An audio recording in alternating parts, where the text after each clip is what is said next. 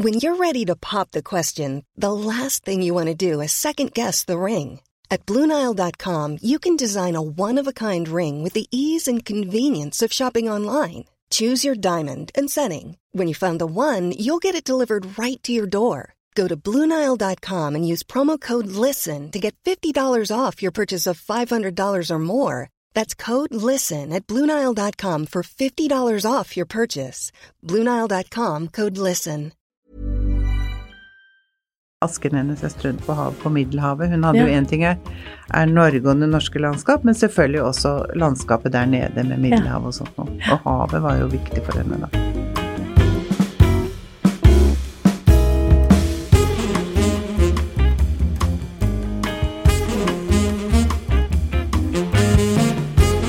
Dagens gjest er kunsthistoriker og har jobbet ved flere museer siden tidlig på 70-tallet.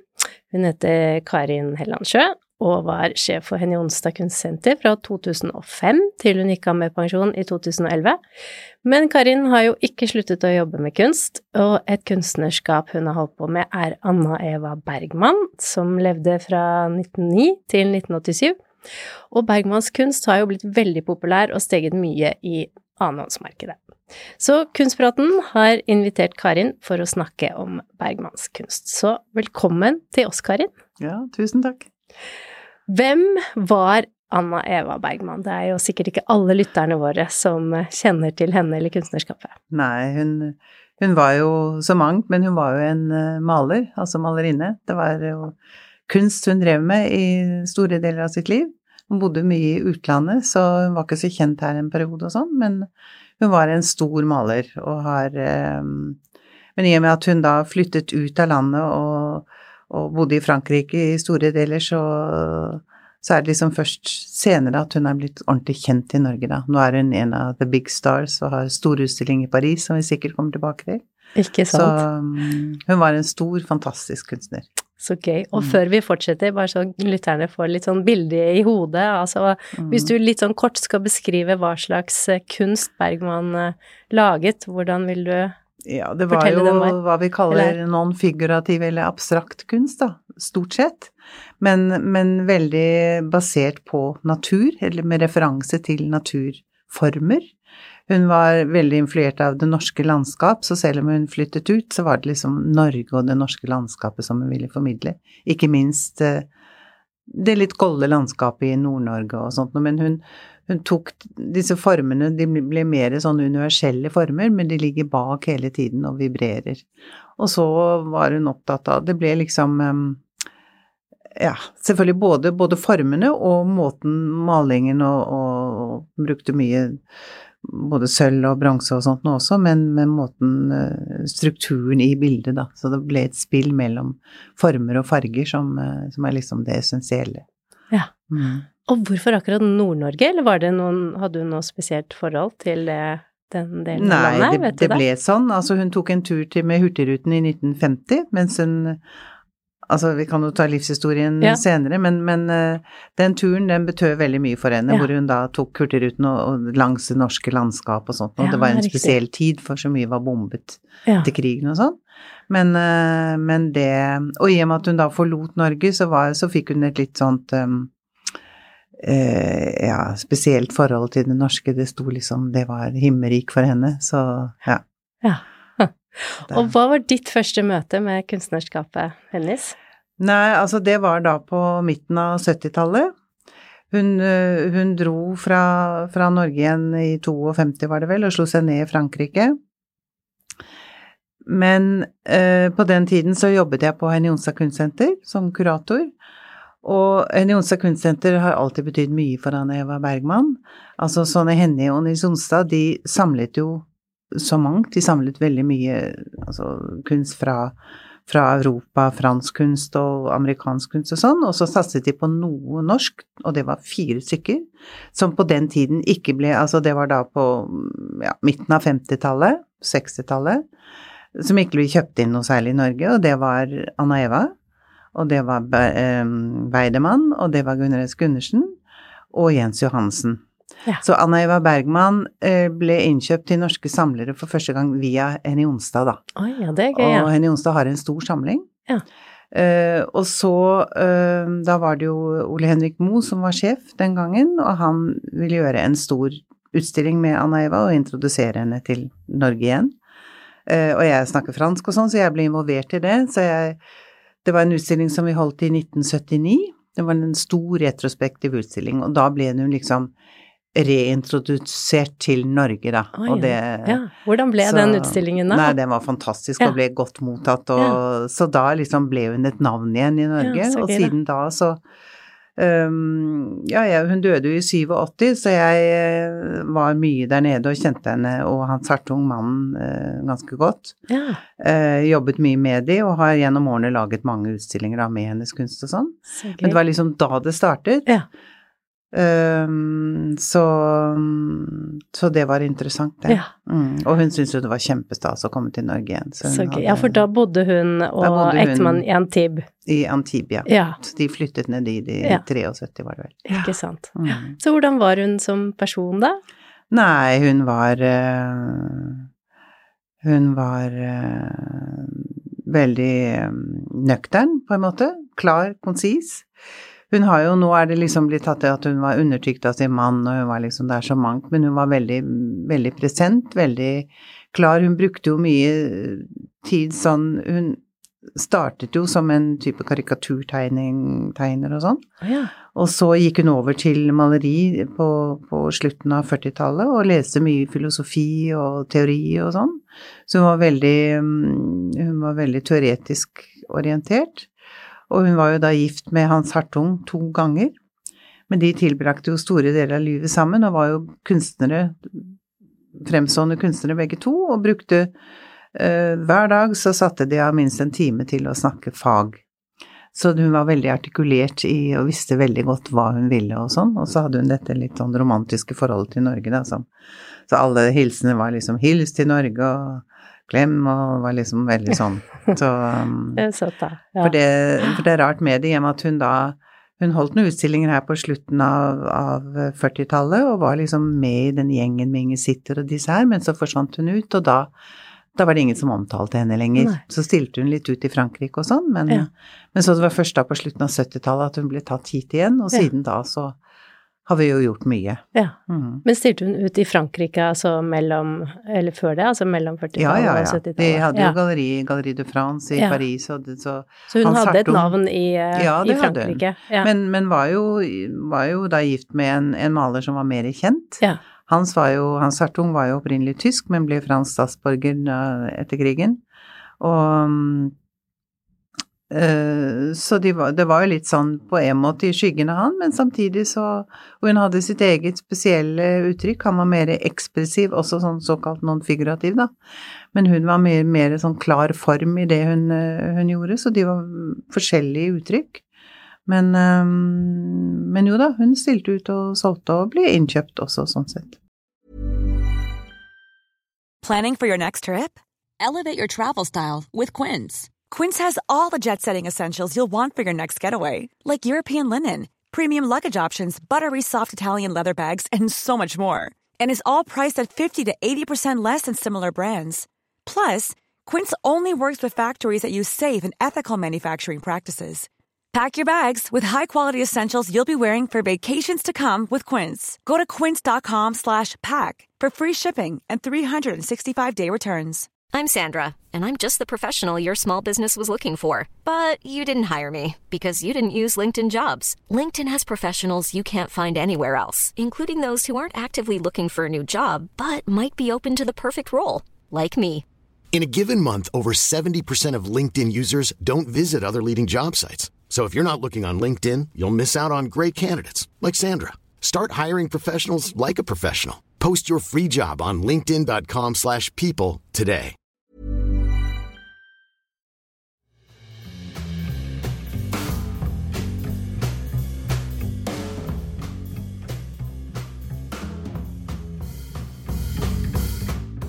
Jo, Bergmanns kunst er jo da kjøpt inn i Norge i ettertid av da altså Nasjonalmuseet har de 200 arbeidere eller noe sånt mm. av henne, og hun har jo også kjøpt eh, inn av sånne store samlere, altså av Sveås og Tangen og Gundersen, mm. og nå er det jo en kjempestor uh, utstilling i Paris, uh, og som skal videre til Nasjonalmuseet. Så hvorfor har hun blitt så populær nå de siste årene?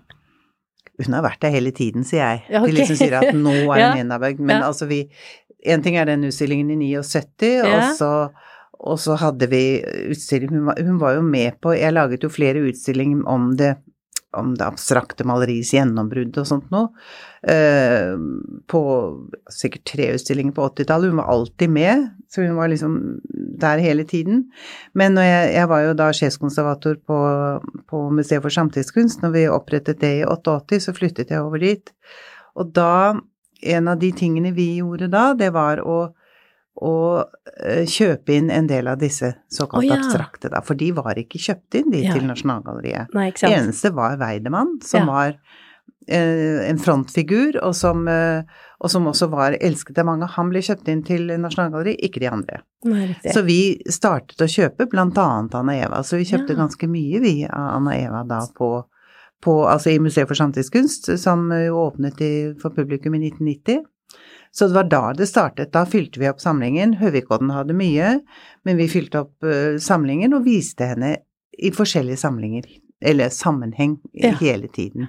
Så de bildene som Nasjonalmuseet har nå, de kommer jo da, da, som det er takket være deg, da, og din jobb? Ja, ja, eh, sånn sett. Ja, sånn jeg var også med i stiftelsen jo, og mye sånn. Jo, sant? altså, men, men, vi var alle veldig opptatt av, hele kuratorgjengen var veldig opptatt av at dette måtte vi gjøre, og fylle inn. Og det var også med Inger Sitter og Gunnes Gundersen og alle disse her som vi da fylte hva vi følte var et vakuum, da. Uh, og så laget vi Jeg laget en utstilling på Museet for samtidskunst i 2002, var det vel. Og så var hun festspillutstiller i Harstad, og så laget vi en utstilling igjen i Høvikodden som vandret rundt. Så det har vært jevnlig vært utstilling med henne. Så yeah, du kan yeah. si at samlerne begynte vel sånn midt på 90-tallet. Yeah. Og så, men så går det litt sånn, og så er det én, men når det blir flere, vet du, så byr de opp mot hverandre, og ja. da stiger prisene. Ikke sant. Og nå har ja. jo Sveås har en kjempefin samling, og ja. ja. mange har jo det. Tangen og som du sier. Ikke og sant. det er jo veldig morsomt. Så det, det tok jo litt av, da for noen år siden, men um, Ja, for prismessig, det var jo Greveds plass, uh, kjørte ja, på med det, og ja, store ja, overskrifter at uh, prisene opp uh, 300% på ti år, så da får man selvfølgelig stjerner i øynene. Nei da, men det er når, man er så heldig at det er flere samlere som har funnet ut at det er hun. Så hun har fått en ny um, en ny revival, som ja, det heter. Og det er løft, jo kjempe, kjempehyggelig, det. Ja, kjempehyggelig. Og det Eh, vi har jo laget mange retrospektive utstillinger her i landet, men det at man også lager da en ny stor på, på Museet der Moderne, det er jo kjempefin, og den er ja. blitt veldig fin. Har du vært og sett den? Ja da. Ja, har, du hatt, har, du gjort, har, du vært med og laget noe, kanskje? Nei, jeg har ikke Nei, det. Jeg har ikke det. Men, uh, men du var på åpningen der, ja. Hva får man se der? For jeg har bare sett uh, noen videoopptak, men det er jo veldig gøy å høre det fra deg. Ja, nei, det var en, en stor åpning. Det var jo, var jo hyggelig at uh, vår dronning var med. Ikke sant. Jo, Hun har vel også Bergmanns kunst i ja, sin samling? Ja, så jeg har stilt ut de flere ganger også. Ja. Så um, Nei, så det var en stor åpning, masse folk og Men det var jo Altså, det var jo streik i Paris og søppel oh, ja, overalt, så det var den perioden, så det var litt sånn Men og den har fått veldig god mottagelse, så det er jo kjempefint. Ja. Det så hun er jo av disse som Den type formspråk som Anna Eva um, hadde, det, det har jo også fått en type revival da, ikke sant, sånn sammen med disse amerikanske Rotko og disse her, hvor du, hvor du Og Anna Eva har én ting, er at det var mye norsk landskap hun refererer til, men ikke konkrete motiv, men det ligger liksom bak der. Uh, og så er det mye også hvor hun trekker det over i, i i planeter og mer sånne over i de romlige formasjonene som, som gjør at det, det, det, også knyttes opp mot en nesten sånn religiøs uh, tematikk. Men det, det, er jo ofte med det, med det abstrakte, det. At det, det er meditativt. Ja. Og, og, selv Weidemann ble jo sånn oppfattet som religiøs, men det var ikke det. Men Nei. de var mer sånn pantister, da, at de liksom ville ja, de så noe basalt i disse naturformene, da, som um, Som ble litt sakralt nesten i fremstillingen. Og så var Anna Eva eh, litt spesiell i og med det at hun um, Jeg skal ikke ta hele forhistorien til det, men hun, hun brukte da um, metallfolie som del av istedenfor maling, eller i tillegg til maling, olje og akryl og sånne ting, så brukte hun metallfolie i sølv og bronse og forskjellig sånn, som, som hun var ganske Og som hun perfeksjonerte. Hun var jo en perfeksjonist. Um, og hun um, og hvor fikk hun tak i det? Altså hvordan Nei, det er ikke så vanskelig å få tak i det, men det er mer å bruke det og lære teknikken ja. og sånn, og så for, må du da For hvordan sitter det på, på en måte, og hvordan blir det pent? Nei, du, ja. du bruker en type både varmebehandling, og så, og så har du en sånn jeg husker ikke hva det heter, men du legger noe også over for å holde det, da. Ja. Men, men, det gir jo en, en veldig spesielt uttrykk, ikke sant, hvor det både får dette skinnende, og, en, en, og som oljemaling vanskelig kan få, og en sånn dybde som hvor man tenker også på på, på tidligere, tidligere, kunst, ikke sant, ja. hvor de også brukte i en type kollasjer hvor de religiøs kunst og sånn også brukte sånne metallfolier, ikke sant, ja, ikke eller sant? om det var gull ja. eller hva det måtte være. Og malte som, hun da oppå det Nei, nei, det nei, nei, nei, da blir det en, blir flate, det en flate, som, som, vibrerer på sin egen måte, ikke sant, og som hun da bandt sammen med med olje og andre ting. Så, ja. så det er Og det, det, får også dette nesten sånn religiøse aspektet da, som du har med, med tidligere uh, med, med, tidligere typer kunst, sånn antimensaler og sånt noe som man har, som uh, Ja, og som ligger også i Ja, rundt omkring i verdenskunsten. Ja, ikke sant, så spennende. Og det er vanskelig å Så Anna Eva ble egentlig kan ikke kopiere det, vet du, så det var Nei. ikke så mange som tok henne etter eh, akkurat der. Nei, det, for, ja, for det var hun en pioner med å, ja, å gjøre sånn den teknikken. Det. det ble hennes liksom ja. Jeg vil ikke si varemerke, da, for hun gjorde mye mer òg, men uh, Og så var hun en stor grafiker, og Men startet da ut som Karikaturtegner. Som, uh, som karikaturtegning. Hun Altså, jeg er litt opptatt av det nå, for jeg holder på med Jeg skal lage en, eller utgi en bok nå om hennes erindringer fra mellomkrigstiden. Oh, ja. Oi, som hun skrev ja. selv og som er en uh, lang historie, det. Men hun, hun, var i Europa fra 29 til 39. Mm. Det var jo da en ja. veldig interessant periode ja, i Europa. Ja. Um, og den perioden har hun da skrevet sine erindringer om. Da ble hun jo gift med, med Hartung i 29. Og hvor traff de hverandre, vet de du det? De traff hverandre i Paris. Ja. Så hun var i Wien, hun utdannet seg i Wien, og så kom hun til Paris, og så hun var rundt omkring mange steder i Europa. Men de falt plask for hverandre, og, men hadde så Disse erindringene, der beskriver hun både tilstanden i Tyskland, bodde jo mye i Berlin, Paris, og så dro de til Menorca. Eh, fordi det var rimeligere. De hadde jo ikke penger, kunstnere hadde jo ikke penger, ikke sant. Um, så disse erindringene hvor hun beskriver miljøet, og så giftet hun seg jo med en tysk, da ble hun også selv tysk.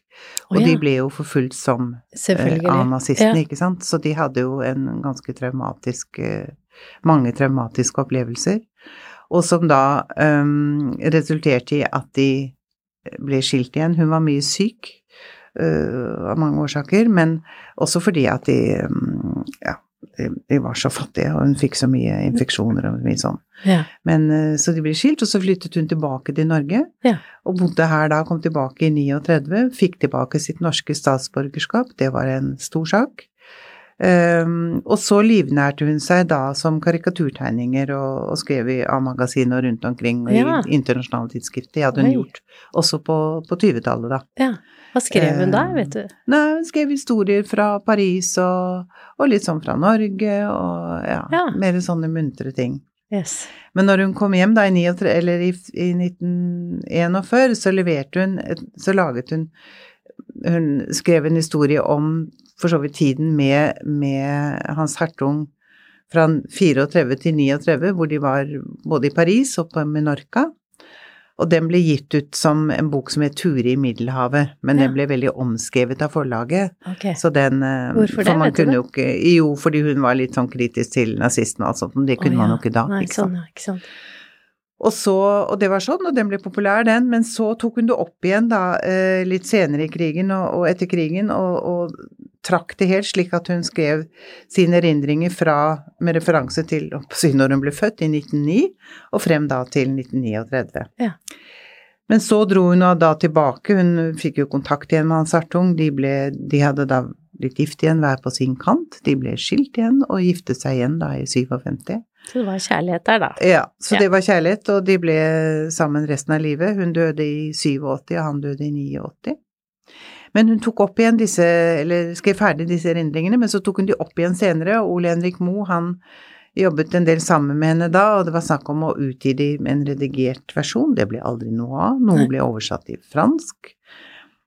Uh, men så spurte Ole Henrik meg om, um, om ikke jeg kunne om ikke jeg kunne få utgitt disse her. Han fikk det ikke til, om ikke jeg kunne få utgitt for jeg kjente henne godt og sånn. Og nå, lang historie kort, så nå har vi, nå utvider vi det originalmaterialet som da fortsatt Oi. er hos familien her i ja. Norge. Uh, og det er utrolig interessant, altså. Ja. Det er et materiale hvor hun selv laget tegninger, hun laget uh, uh, sånne tegninger til hvert kapittel og sånn, og den, så den, den, er ikke en sånn hvor det drar hele hennes historie, men hun forteller mye om om Europa i Berlin i denne tiden. Henger veldig, hun er veldig sånn antinazist, selvfølgelig. Men øh, Og også beskriver kunstliv i Paris, ikke minst, og deres tid på Menorca og sånn, på en veldig sånn eh, ungdommelig, fresh måte. Hun var jo Hun var veldig skarp jakttager, og hun eh, hadde nylige naturskildringer, og hun hun, eh, men samtidig så var hun en ung pike, stormforelsket eh, Nei, den er utrolig fin. Nei, så, så den fint, gleder jeg meg til å utgi. Altså. Ja, det, det, skjønner jeg. Hva skal, og, og hva skal den hete, eller hva er tittelen? Nei, den heter, eh, den heter Erindringer fra mellomkrigssiden. Ja, og når kommer den? Og når kommer den? Den kommer tidlig i høst. Tidlig i høst, ja. For jeg, jeg, begynte, jeg googlet den litt, så der kom ja. det opp en sånn liten preview, at, ja. men det sto okay. ikke så mye der, da. Mm.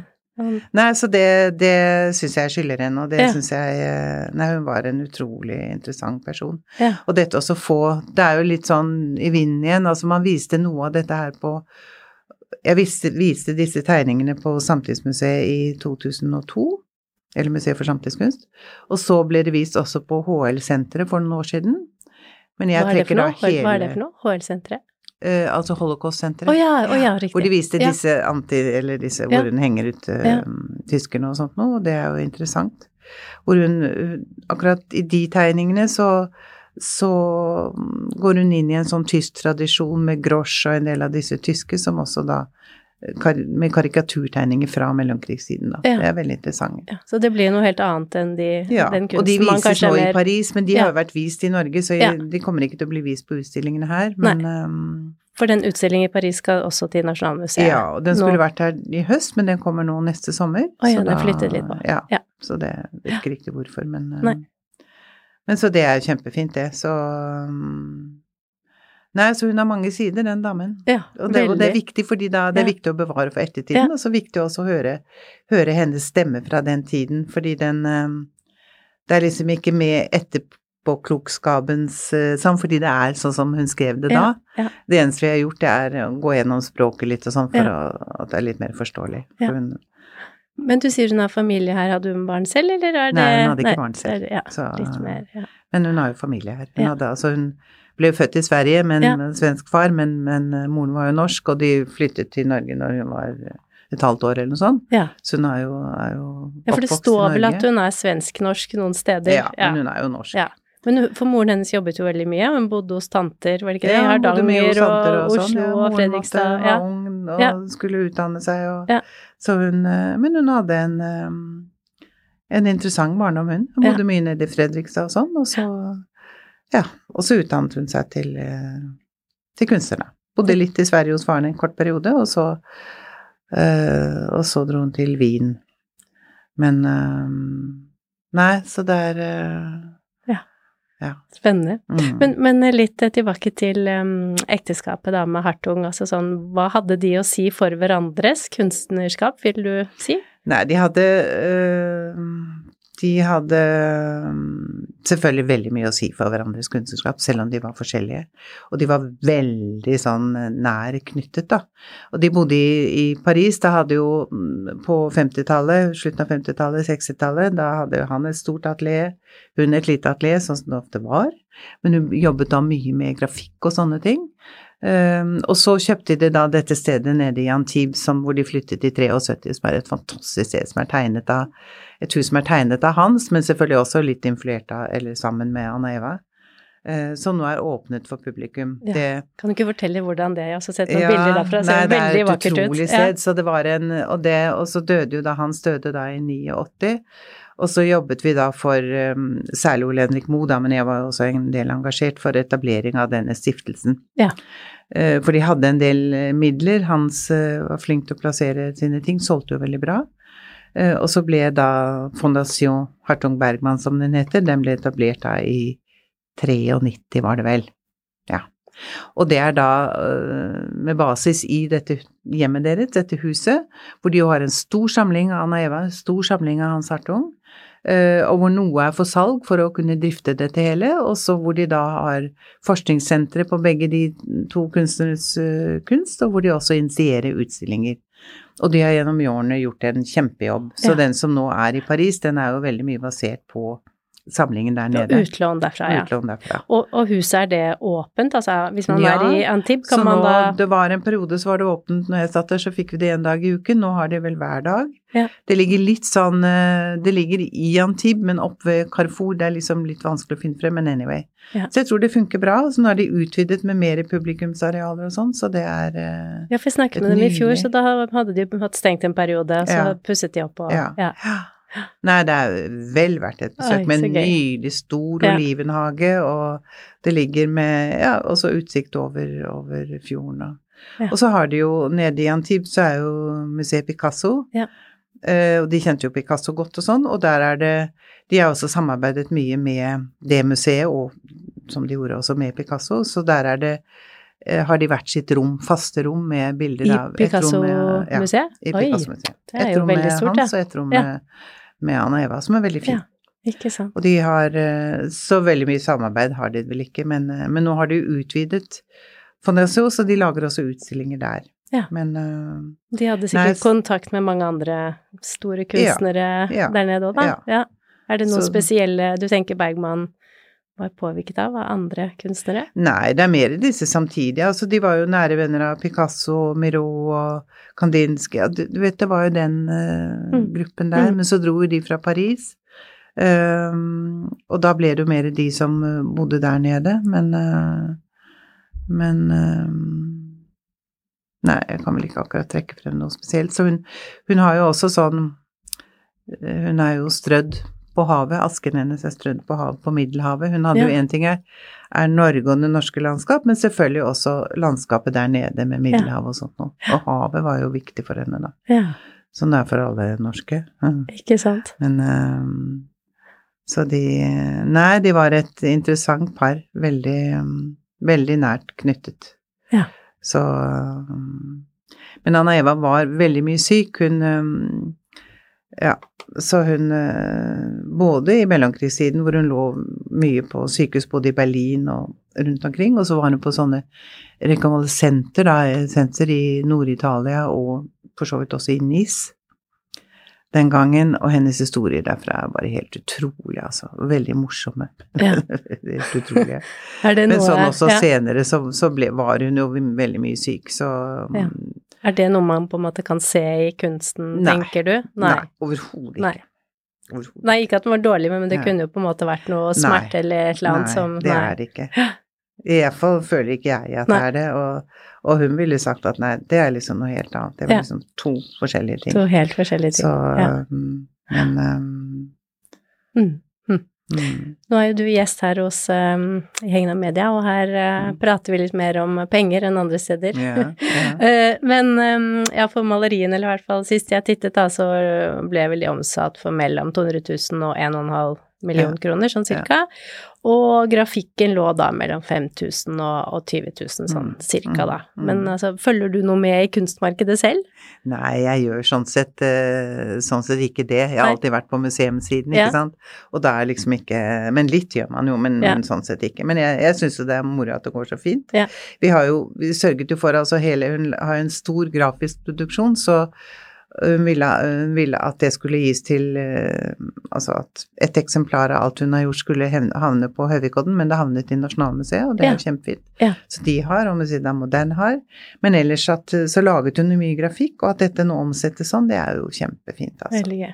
Og det er jo interessant, for de unge En ting er disse samlere og sånt noe, men også de unge samlerne. Altså de unge er jo veldig opptatt av Dette har fått en, en type revival, den type type kunstuttrykk. Og det er vel også fordi det, det, det åpner for litt ro og meditasjon, og Ja. vi trenger det i dag. ja. Ja.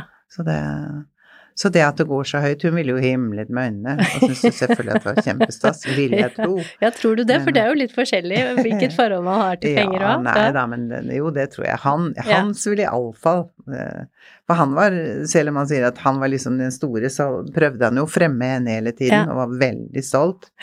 Så mm, jeg laget jo flere utstillinger med Hans Hartung også, og de eh, Nei, de var veldig opptatt av, av hverandre og hadde en veldig interessant ja, så, såkalt intellektuell dialog, da, men Ja. om kunsten og kunstens betydning og sånt noe. Det, Ja. det må jo være flott å kunne dele det med, med sin ektefelle, sånn som de gjorde. Så det, Veldig. um, jeg tror det betød mye. Men de hadde hver dag så var det Jeg besøkte de jo flere ganger, og da var det liksom en time. Da var det, måtte jeg finne på noe annet. Ja, Skulle de ha sitt private. ikke sant. Så spennende. Ja. Ja. Karin, vi kunne Mm. sittet og pratet her i 100 år om eh, Bergman og egentlig veldig mye annet som du Mm. kan mye om. Eh, Men nå tror jeg vi gir oss på topp. Ja. Men eh, aller først så lurer jeg på, altså hvis du kunne valgt deg på en måte ett Bergman-bilde, hvilket ville du hatt hjemme hos deg selv da? Jeg har jo noen, da, vet du. Å, fortell da!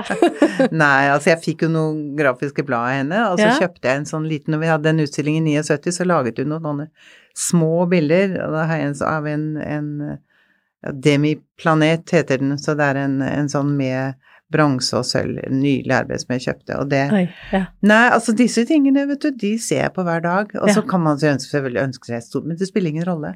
Nei. Og det gir noe nytt, det er det med den type kunst, det gir jo noe nytt hver eneste gang. Hvis man åpner for det, så Ja. gir det noe nytt hver gang. Så det er eh, Nei, uten kunsten så ville livet ikke vært det samme. Det var en herlig avslutning. Tusen, tusen takk for at du kom her i dag. Det var uh, veldig fint å høre om kunstnerskapet til Anna Eva Bergman. Og tusen takk til alle lytterne. Og hvis det er noe dere lytter ønsker at vi skal ta opp, eller om det er noen gjester dere ønsker at vi skal invitere, så send oss gjerne en e-post eh, til kunstpraten at kapital.no. Og så anbefaler vi også å sjekke ut de andre podkastene vi har her på huset. Ukens vintips, Smil etter mil og Klokkelandslaget. Ha det godt!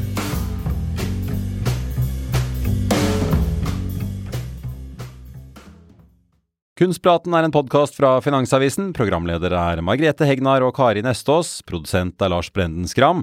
Og ansvarlig redaktør er Trygve Hegnar.